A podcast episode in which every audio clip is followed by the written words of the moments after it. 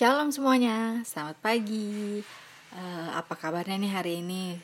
Semoga semuanya sehat-sehat dan semoga semuanya selalu dalam lindungan Tuhan.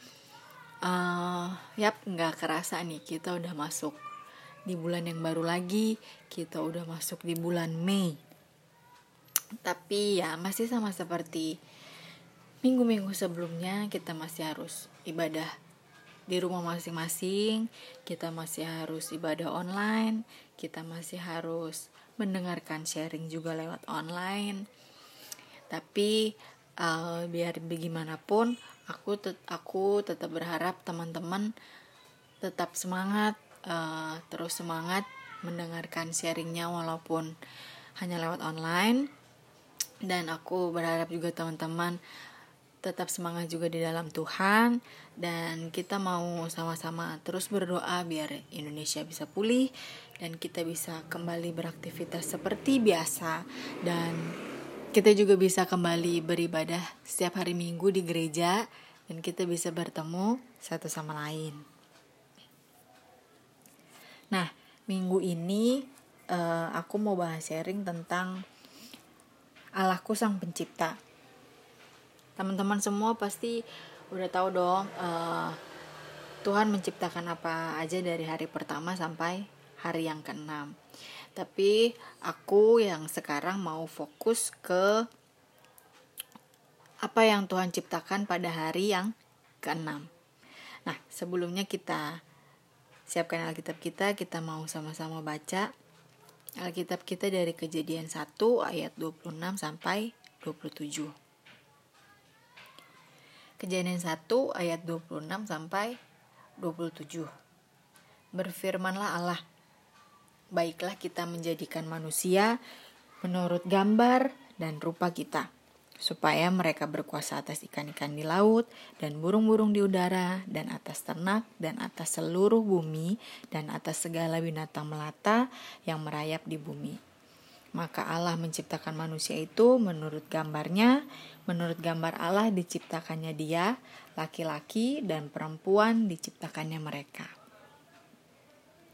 Nah, ketika Allah menciptakan dunia dan segala isinya, Allah itu menciptakan dengan berfirman dan jadi. Tapi beda nih dengan penciptaan Allah ketika Allah menciptakan manusia di hari terakhir di mana itu adalah uh, puncak dari ciptaannya.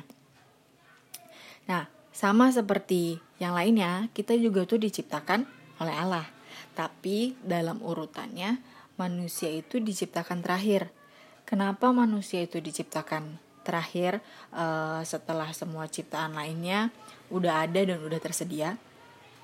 Nah, itu karena semua disediakan Tuhan terlebih dahulu supaya uh, manusia itu bisa memenuhi kebutuhan hidupnya mulai dari udara yang baik, terus air yang jernih dan tumbuh-tumbuhan sebagai makanannya.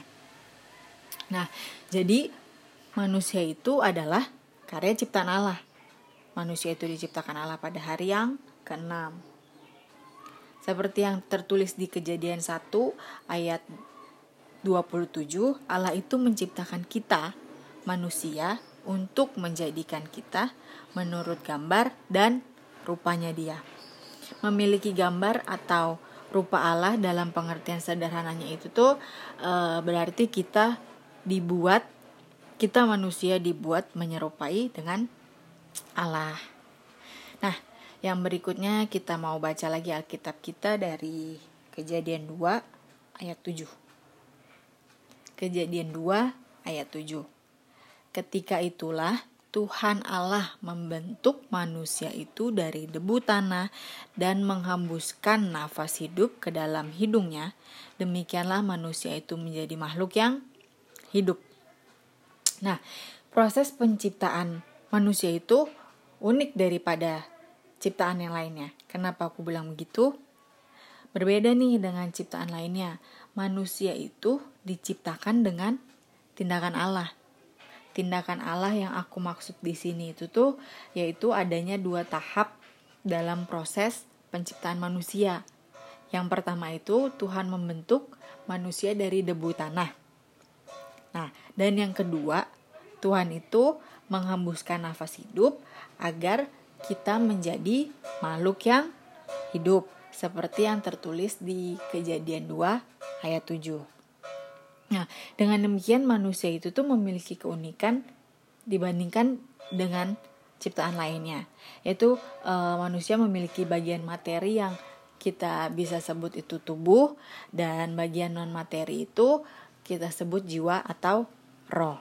Nah, jadi manusia itu adalah makhluk yang e, benar-benar dijadikan diciptakan dan dibentuk oleh Allah sendiri atau dibentuk oleh Allah secara langsung.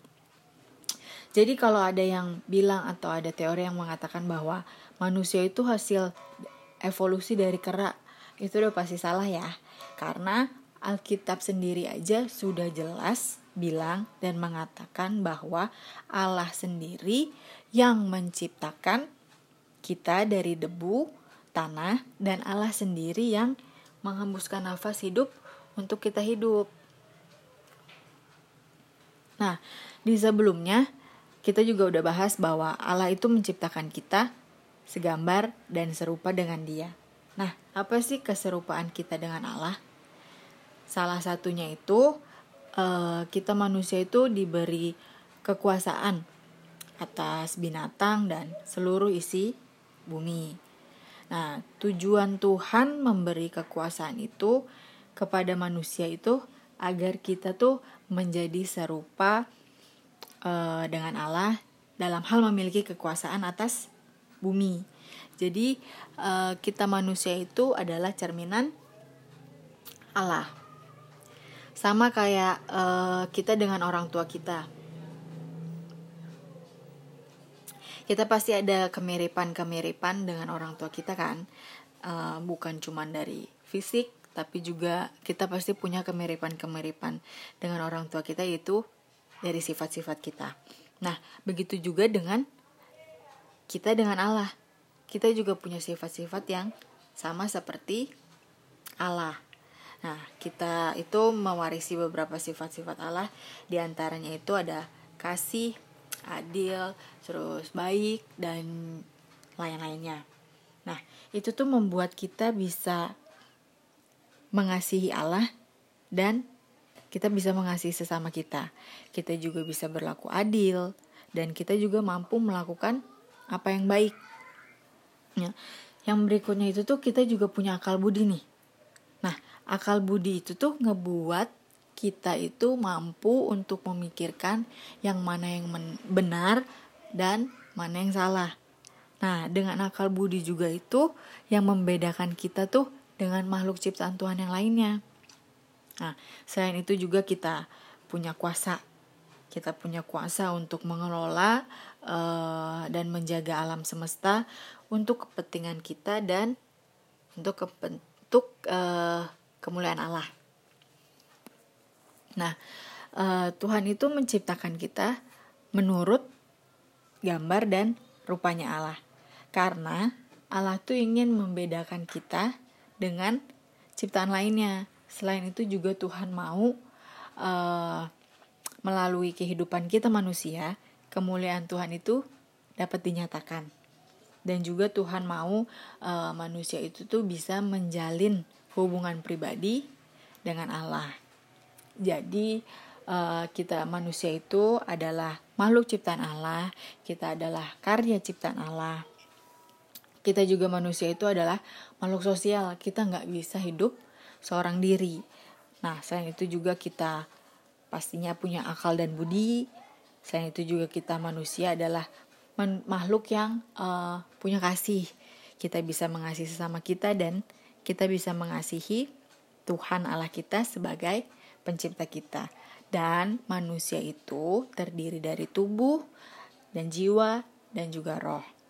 Nah, jadi yang terpenting itu kita harus sadar bahwa kita tuh diciptakan Tuhan dan kita itu sangat istimewa karena kita manusia diciptakan Allah serupa dan segambar dengan Allah.